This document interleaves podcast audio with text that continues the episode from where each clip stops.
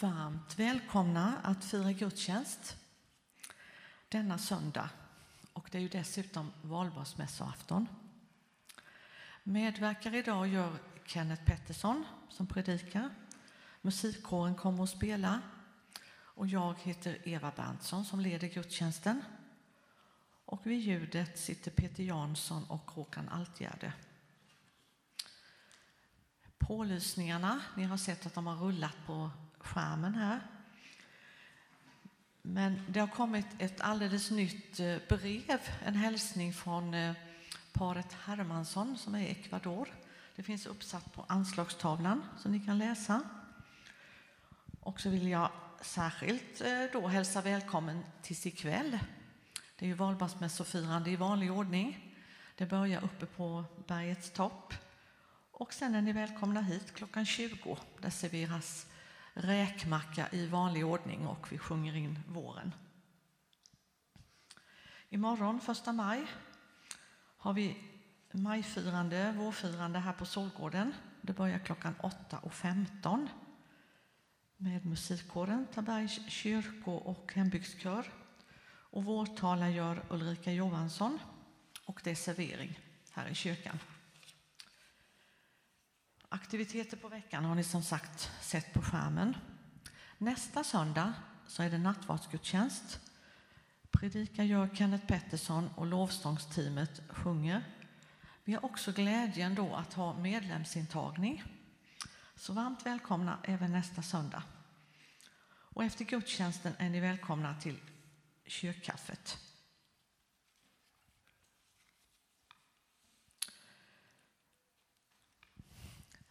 När du, Gud, låter mig upptäcka vårljuset väcks mitt innersta till liv.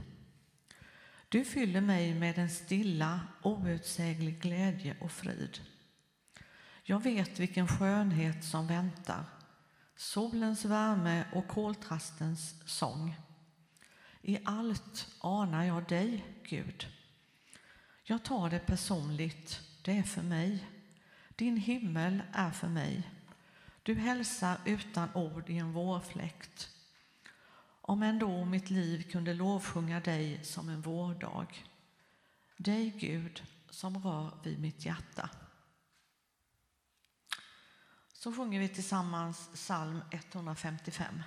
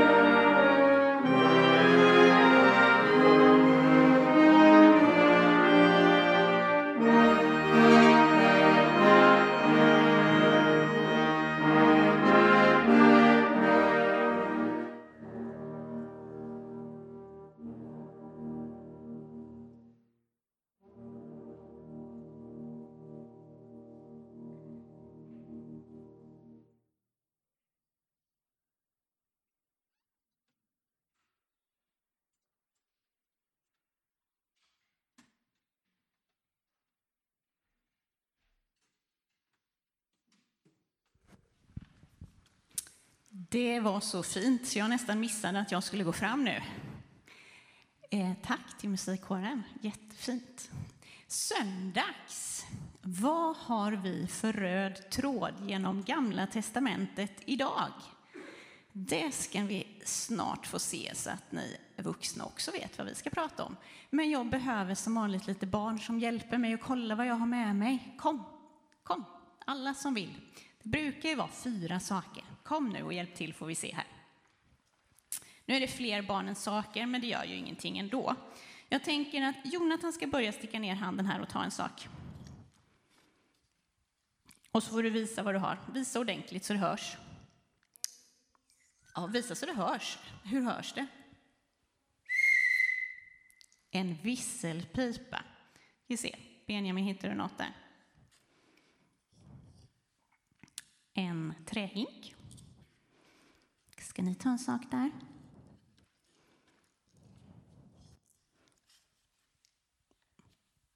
Nu får ni hålla upp så, ni ser, så att alla ser vad det är som tjejerna fick upp här nu då. En klubba och sen ett tyg som är svart och vitt. Elias, du kan väl ta den och så samlar du ihop grejerna sen. Nu ska vi se här. Hittar ni någon röd tråd här i de här sakerna?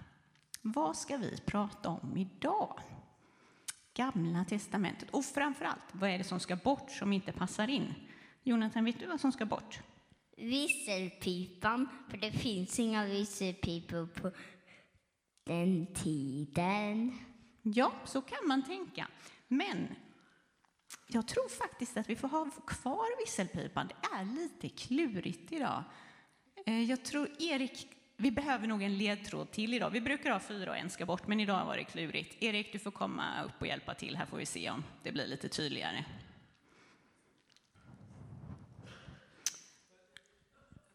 Jag skulle ha med någonting va? Ja. Ja, jag, jag måste ha helt glömt bort det. Alltså, har Erik glömt vad han skulle ha med eller ser ni någonting? Benjamin? Han har en peruk. Vad är det för färg? Vit. En vit peruk. Och en klubba. Och en visselpipa. Och något svartvitt. Och en hink. Vad är det som ska bort? Vad tror du, Alma? Hinken. Hinken tror du ska bort. Det är rätt. Vet du varför hinken ska bort? Nej. Nej, men det var rätt i alla fall. Men det är så här, Gamla Testamentet, du ska se, det är en speciell bok vi ska prata om idag. Är det någon som kan hjälpa Alma? Vad är det för bok vi ska prata om? Nu får ni räcka upp handen här. Där har vi någon som vet vad det är för bok.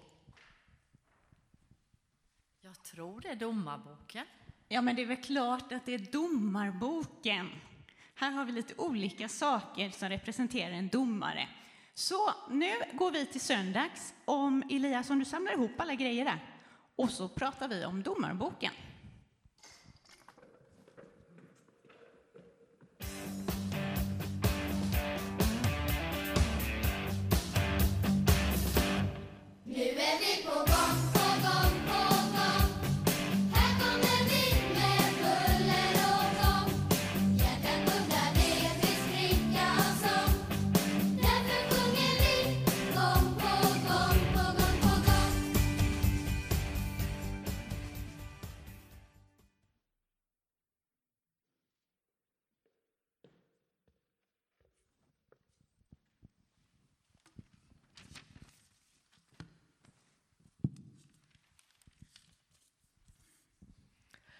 Temat för den här söndagen är Vägen till livet. Och jag vill läsa evangelietexten och den är hämtad ifrån Johannes evangeliet kapitel 13, vers 31–35. När Judas hade gått sa Jesus Nu har Människosonen förhärligats och Gud har förhärligats i honom. Är nu Gud förhärligad i honom skall Gud också förhärliga honom i sig och han ska snart förhärliga honom. Ännu en kort tid är jag hos er, mina barn. Ni kommer att söka efter mig och jag säger nu till er vad jag sa till judarna. Dit jag går kan ni inte komma. Ett nytt bud ger jag er, att ni skall älska varandra. Så som jag har älskat er skall också ni älska varandra. Alla ska förstå att ni är mina lärjungar om ni visar varandra kärlek. Kärleken skapar gemenskapen och den avslöjar gemenskapen. Om inte Jesus tillåts tvätta Petrus fötter har de ingen gemenskap. Utan kärlek finns, finns alltså ingen verklig gemenskap. Och det finns ingen tvekan i det Jesus säger, ni ska älska varandra. Trots att känslan inte alltid finns där. Trots att människor ibland kan vara outhärdliga. Det handlar om lydnad, övning och tålamod. För vi behöver det. Kyrkan behöver det. Världen behöver att vi lärjungar älskar varandra. Därför att församlingens kärlek är det starkaste vittnesbördet om den Gud som älskar gränslöst. Låt oss be. Kärlekens Gud, vi vet att sann gemenskap kan vara svårt. Hjälp oss att leva tillsammans också när det skaver. Du som älskar helt utan gräns, som med en befriande kärlek tvättar fötter och vänder andra kinden till, ge oss kraft att göra detsamma. Att älska så som du har älskat oss. Amen. Så sjunger vi tillsammans psalm 396. Och under tiden så har du möjlighet att ge en offergåva till församlingen. Och swishnumret kommer upp på skärmen. Eller kan du lämna kontanter vid utgången.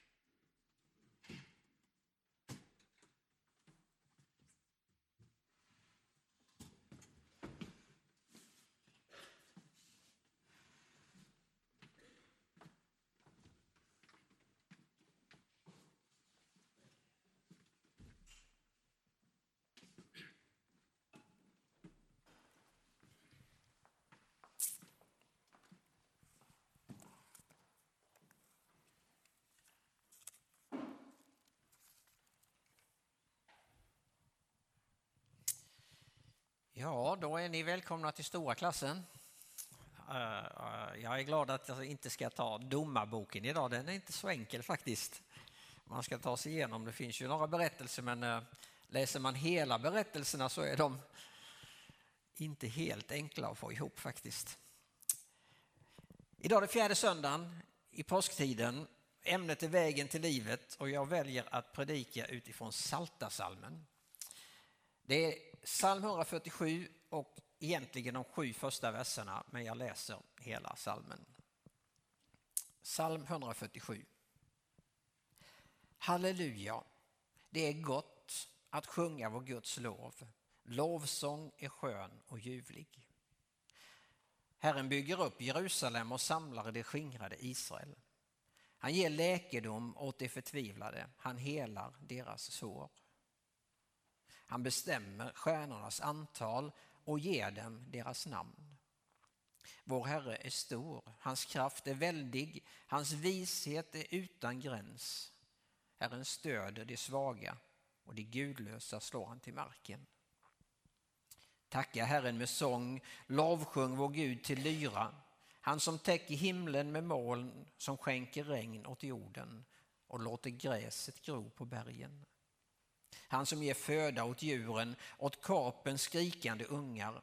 Han gläder sig inte åt stridshästars kraft och soldaternas snabba steg. Nej, Herren älskar de gudfruktiga, dem som hoppas på hans nåd.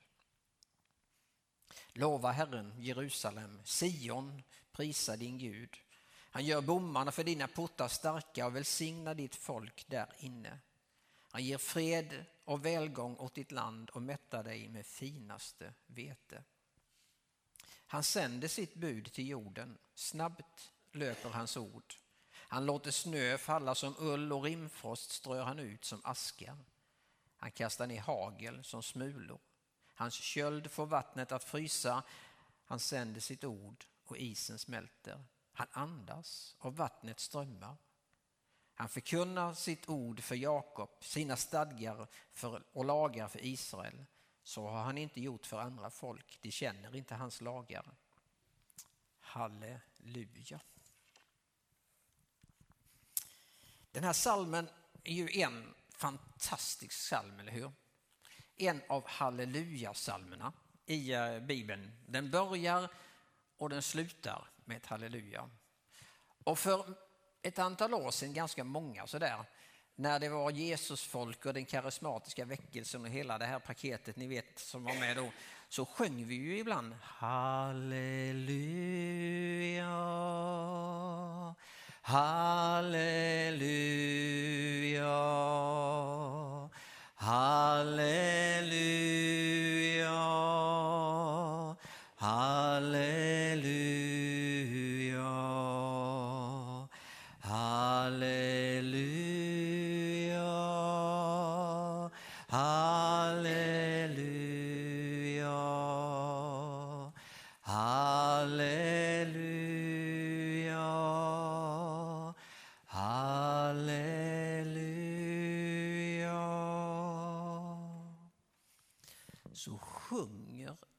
hela den här salmen på något sätt av Guds lov. Och psalmisten påstår att lovsången är ljuvlig och skön.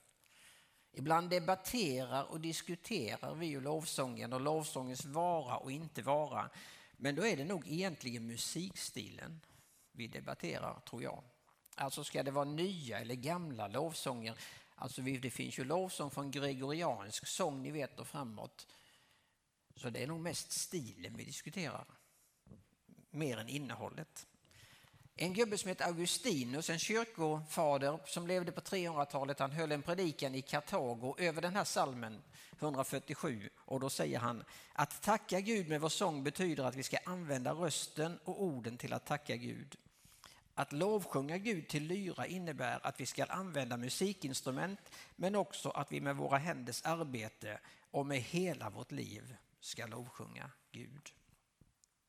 Så lovsången berör ju hela livet egentligen. Det är inte bara liksom eh, en kör eller en sång eller sådär på söndag förmiddag utan det är hela vårt liv och hela vår varelse egentligen. 147 salmen har trådar åt massor av håll. Andra Moseboken, femte Moseboken, Jobb kapitel 37 till 39, Jesaja 40 och så kan man dra ut liksom trådarna så här så den passar in i den bibliska berättelsen. Men då kan man ju undra så här, alltså vägen till livet är temat. Psalm 147 och lovsång har vi läst om. Så hur i all världen ska vi få ihop dem? Ja, men om ni då följer mig in i den bibliska berättelsen så i den gamla testamentliga texten idag så är den hämtad från andra Mosebokens trettonde kapitel. Israel har varit i fångenskap i lite drygt 400 år. De som nu är på väg hem till sitt land har aldrig någonsin sett sitt land. Ingen av dem har varit där. Man har hört talas om det förstås, men det är ingen som har hört och sett hur det ser ut egentligen. Nu äntligen är man på väg hem. Och det börjar väldigt bra, för i den gammaltestamentliga texten berättas det om att Gud ska gå med dem hela vägen. Och det är så här att när de undrar så ska det vara en molnstod på dagen och en eldstod på natten som leder dem. Så han har lovat dem vägledning. Och så fortsätter vi att bläddra och läser lite i den bibliska berättelsen och ganska snart så kommer vi fram till det femtonde kapitlet och plötsligt så ligger det ett hav framför. Röda havet eller Sävhavet. Och problemet är att farao har kommit på att han har gjort ett misstag när han har släppt folket. Så det är så här att han vill att folket ska återvända till Egypten. Så när de tittar framåt så ligger havet där och när de tittar bakåt så ser de bara ett enda stort dammoln och därifrån kommer Egyptens armé. Så vad ska man göra nu? Då är det ju så här, allt som började så bra, allt som började liksom vägen till ett nytt liv. Nu verkar det ju faktiskt så som att vägen till livet är stängd. Det är då som Mose får det där fantastiska uppdraget att räcka ut sin stav över vattnet. Och vattnet klyvs och Israels folk går igenom. Det där händer ju faktiskt vid ett par tillfällen, inte att han räcker ut staven, men när man så småningom ganska långt senare och efter många omvägar, alltså typ 40 år, ska gå över Jordan, ja men då får man göra så här att de som bär arken får gå ut i Jordanfloden och så delas i vattnet och så går folket igenom och så går de som bär arken upp och så sluter sig vattnet. Så det där får man vara med om två gånger, i början och i slutet av sin ökenvandring. Och när de väl är över Tarskodda, på den andra sidan, då är vägen till livet, det nya livet och landet öppen igen. Egyptens här blev ju kvar i havet. Det är då det händer. Det är då segersången och lovsången föds igen. Och vi känner igen den om vi lutar oss lite mot bibelbladet och lyssnar. För vi sjunger den fortfarande, faktiskt. Herren är min starkhet och min lovsång.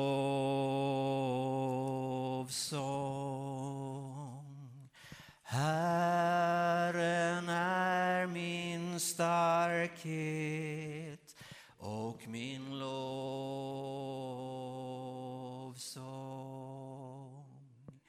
Han blev mig till frälsning. Ja, han blev mig till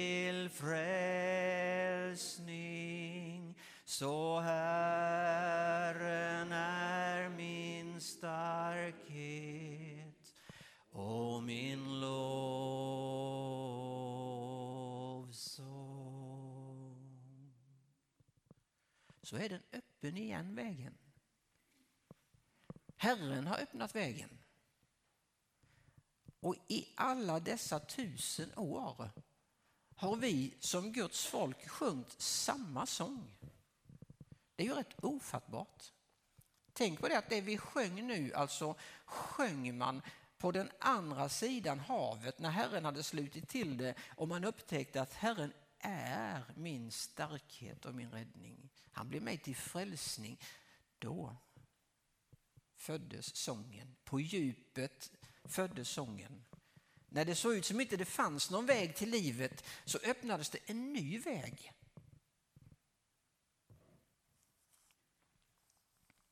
Så kan man ju flytta fram lite grann i tiden. Och då kommer man, eller långt fram, till dagens evangelietext.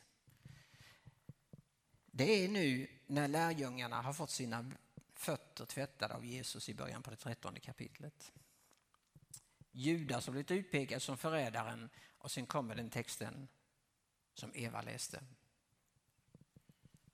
Så blir det skärtorsdag och det blir långfredag. Jesus dör och hoppet dör faktiskt. Och nu är det för lärjungarna, tror jag, på påskafton som det var för Israels folk. Alltså man ser ingen väg framåt därför att Jesus är redan död. Han skulle ju ändå vara den som räddade och var vägen till livet. Och vänder man sig bakåt så ser man ingen väg där heller för läser du evangelierna så står det att nu satt de inlåsta av rädsla för judarna. Står det. Så de kan liksom inte riktigt gå tillbaks heller till vardagslivet, bara så där utan vidare. Och plötsligt i gryningen på den tredje dagen så går kvinnorna till graven. Och den är tom. Petrus och Johannes tävlar ut, läste vi om på påskdagen. Och så började sången födas igen. Alltså när det såg ut som att vägen var stängd och inget fanns att hoppas på, då öppnas en ny väg på Golgata. Och så sjunger de om att min Jesus lever och därför vill jag leva. Han har uppstått, han lever och det är ett helt nytt kapitel i kyrkans historia. Så föddes sången igen och vägen till livet öppnades på nytt på en plats där man minst anade det och där man definitivt inte trodde att det kunde ske. Så flyttar vi till millennieskiftet. Någonstans runt 2000. Martin Lönnebo det ju skrivits en del om nu i och med att han har fått flytta hem till Herren. Han sitter nu vid millennieskiftet, någonstans in precis i början på 2000-talet i Kairo. I utkanten av Kairo, vid sophökarna, vid Mokatam. För han säger att han ville se med egna ögon och lukta med egen näsa hur det egentligen var. Och hur det gick till när de fattigas lovsång föddes. För det började 1974 faktiskt. När det kommer in en som man kallar för Sabalen. Man kallade dem det, alltså de som samlade sopor på sophögarna. Sabalen betyder dynga, alltså skräp, ingenting värd överhuvudtaget. Sopor sjunger ju inte, eller hur? Dynga sjunger inte. En dag kommer det in en sån här sabalén på Farahats kontor. Och så säger han till Farahat, saknar du någonting? Sen? Och då så säger den här förmannen, ja, jag har faktiskt tappat min klocka, säger han. Då säger han, är det den här? Och det där var ju en dyrbar klocka tydligen. Jag vet inte om det var en Rolex eller men det var en sån där som var värd ganska mycket pengar i alla fall. Och då säger Farad, men varför kommer du till mig med den? Du, jag menar, du har ju hittat den på sophögen, du kunde ju sålt den och räddat din familj. Då säger den här sopsamlaren, Kristus har sagt till mig att vara ärlig. Och det där slår ner som en bomb i Farads liv. Så han vet inte vad han ska göra. Så först går han ut och bara sätter sig flera dagar på sophögen. Sen kommer han på den lysande idén att han tar med sig en kompis, köper en sån här portabel liten högtalare och går runt på sophögarna och sjunger gamla koptiska lovsånger. Det är ju en lysande idé, eller hur? Han hade ju inte en aning, vad ska jag göra av det liksom? Bakom en av de sophögarna går Sami Vadi Hanna och lyssnar till den där sången och blir den första som kommer till tro. Hon gör sedan en doktorsavhandling av detta och i samband med att det var tävlingar och idrott och, annat i, i eh, Egypten nu för ett tag sedan så såg man faktiskt ett reportage på Aktuellt om sopstationen i Mokatam. Jag vet inte om ni såg den? Och man berättar att det är en kyrka som driver detta faktiskt. Det är ganska fantastiskt, eller hur? För idag är det så att det är liksom en sopstation, det är återvinning, man återvinner sopor, det, det är en rätt så stor anläggning. Idag finns det en kyrka insprängd i berget och den rymmer 20 000 personer. Och Farahat har bytt namn faktiskt. Så nu heter han Saman som egentligen betyder Simon och han är präst i kyrkan. Så hände det igen. Alltså att på den platsen där man minst anade det så öppnades vägen till livet och till en ny sång. Och då tänker jag så här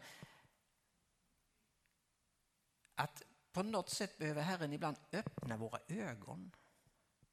För ibland tänker vi ju att det är omöjligt. Vi tänker att det finns ingen väg framåt. Vi tänker att ja, men inte kan det väl hända här och inte kan det bli... Ja, vem har sagt det? Alltså där vi minst anade så öppnar Herren en helt ny väg till livet.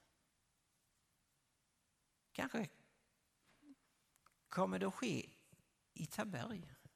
Vem vet vad Herren har för planer? Så vägen till livet öppnas, lovsången föds och den ljuder starkt och ibland väldigt starkt och ibland tycker några för starkt. Det vet vi ju. Det finns ju liksom lite olika åsikter om det. Vi läser en hallelujasalm idag. Och ibland är det väl för oss också så att lovsången ljuder starkt. Det är enkelt att sjunga. Och ibland, ibland är det annorlunda. Ibland är det som Thomas skriver i sin bok Sjödin som kom ut 2009. Ett bröstet halleluja.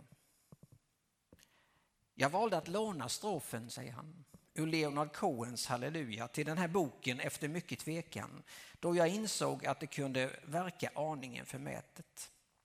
Mitt halleluja är också bröstet. Det är inte samma sak som att det skulle ha gått sönder och därmed blivit något mindre. Snarare är det brustet i den bemärkelsen att det har öppnat sig. Jag vet inte exakt när eller hur det skedde, jag vet bara att det är så. Mitt halleluja är ett annat än det som jag sjöng som tonåring. Det är ett annat än det som jag mumlade som ung och lovande pingstpastor. Men det är ett halleluja. Det är dovare, mörkare, försiktigare och mer dröjande. Men det är ett halleluja. Det är inte fullt så trosvisst som det var, men det är ett halleluja.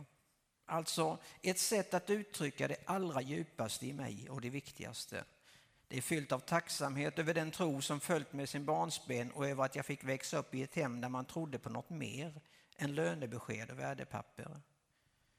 Bröstenhet är inte riktigt samma sak som trasighet. Man kan inte vara hel och trasig samtidigt. Men man kan vara hel och brösten i den bemärkelsen att bröstenheten blivit en del av livet och ett sätt att leva. Jag sjunger mitt halleluja med samma hjärta som då, men jag hör själv att det låter inte likadant längre. Skriver Thomas. Det är fortfarande ett halleluja. Och det kan vi väl känna igen, vi som har varit med länge, i vår sång, alltså i vårt sätt att se. Det läggs till fler toner, det blir fler ackord liksom. ju längre livet går så blir symfoniorkestern större på något sätt. Det är lite som vi läste om i psalm 147 om Guds oändliga storhet. Han håller skapelsen i sin hand. Han låter regnet falla. Han låter marken gro. Han låter liksom djuren får sin mat. Han bestämmer stjärnornas antal och ger dem till och med namn, står det i den 147 salmen. Och jag tänkte, alltså jag undrar om det är samma namn som vi har, eller vad tror ni? Karlavagnen och Orions bälte. Ja, vi får väl kolla när vi kommer hem en gång. Om vi har samma liksom, namn på stjärnbilderna eller hur det är med det. Han låter årstiderna bestå, det blir vinter och det blir is och så sänder han sitt ord och så smälter det frusna och så blir det vår. Han ger läkedom åt de förtvivlade och helar de sjuka sår och han stöder de svaga, står det i salmen. Och då är frågan, var befinner du dig idag och jag? Är det på platsen där lovsången naturligt bryter fram, alltså där man kan se Guds storhet, glädjas och tillbe? Så är det ju i livet ibland. Det är som ute nu, det är klarblå himmel och sol. Och det är ganska, som de sjunger, Galenskaparna, det är gött att leva. Det ska vara gött att leva helt enkelt. Eller är det så här att du är på platsen där du känner att ett helande skulle faktiskt sitta fint? För det är något som är brustet i livet och som behöver bli helt. Ditt halleluja är brustet. Och vägen till livet verkar vara mer fram, svårframkomlig. Då kan han bildligt talat sända sitt ord så att det frusna smälter. Om vi då tänker att ordet faktiskt är Jesus, då är det ju Jesus han sänder. För i Johannes evangeliets början så står det i ordet, begynnelsen var ordet, ordet var hos Gud och ordet var Gud. Och så vidare. Idag är Jesus här för att vidröra det som är brustet och hela det som är trasigt. Idag kan vara den dagen då du får lämna över det i hans händer. I hans sårmärkta händer. Så var vi än befinner oss, om vi är på där på glädjebruset eller om vi mer lutar oss åt den brustna sidan, så om vi ändå stannar upp och lyssnar lite inåt så kanske vi ändå hör. Kanske hör vi sången. Det kan vara så, jag vet inte. Alltså det, den här, Den sjunger hela tiden liksom. Har ni prövat det någon gång? Sjunger hela tiden. Lov, ära och pris dig vår Fader och vän som alltid oss älskar och älskar oss än. Halleluja, din är äran. Halleluja, amen.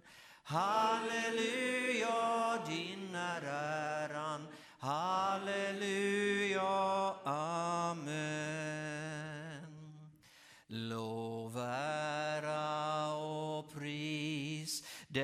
Guds heliga lamm som bar våra synder på korsträdets stam. Halleluja, din är äran. Halleluja,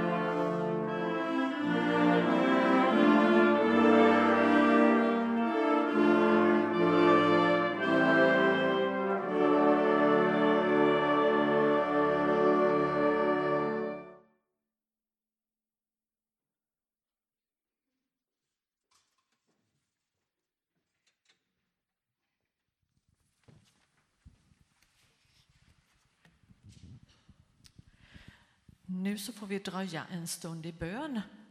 Du har möjlighet att gå fram och tända ett ljus i ljusbäraren. Du kan även skriva en bön och lägga i korgen. Lämnar du lappen öppen så läser vi upp den. Annars kan du vika ihop den så tar vi med den i bön. Kenneth kommer att sitta på första bänken där om du vill ha personlig förbön. Och under tiden så sjunger vi 752 Visa mig Herre din väg. Och vi sjunger den några gånger. 758. Jag kanske sa något annat. Ja, men 758 är det.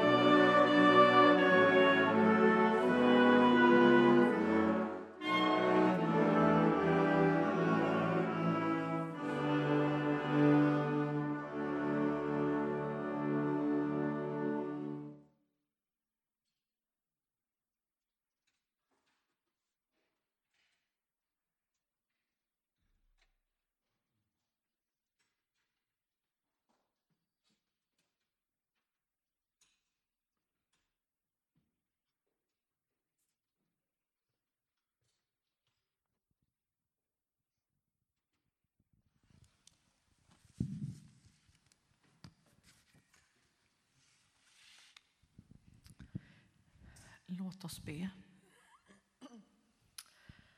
Herre, tack för att du möter oss var och en och du visar oss din väg. Tack Herre för att du är personlig och du känner oss. Herre, jag vill be för det som är oro ute i världen. Herre, vi lyfter upp speciellt Ukraina och Sudan. Och vi ber för familjen Hermansson och även för Lisbet. Herre, tack för att vi får lägga dem i dina händer. Och vi tänker på folket i Ukraina och Sudan som lider. Det finns inte ord, Herre, för vad ondskan kan göra med människor. Men vi får ändå be till dig. I dig finns hoppet, hoppet om fred. Så ber vi för vårt land. I Sverige finns också mycket oro och mycket gott. Tack Herre för att vi som ditt folk får stå upp och visa vägen, visa vägen på dig där vi finns. Herre, jag ber också för det ljuset som brinner här för församlingen i Malmberget som nu finns i Gällivare. Tack för att vi får också nämna dem i bön. I det arbete som de står i. Herre, välsigna dem. Jesus, och så ber vi för dem som är sjuka eller av annan anledning inte hade möjlighet eller kan gå på gudstjänst. Tack Herre för att du också möter människor där de finns. Du är inte bunden till plats och inte tid heller. Utan du kan möta precis vad som helst och vem som helst. Tack Herre för du kan öppna nya vägar och nya håll. Ibland ser det stängt ut. Men det kan öppnas en ny väg, en ny inriktning på livet. Tack för att vi får tro på det och hoppas på det, Herre. Så välsignar du oss. I Jesu namn. Amen. Ta emot Herrens välsignelse. Herren välsigna dig och bevara dig. Herren låter sitt ansikte lysa över dig och vara dig nådig. Herren vänder sitt ansikte till dig och ger dig frid. I Faderns och Sonens och den helige Andens namn. Amen. Så avslutar musikkåren och gudstjänst.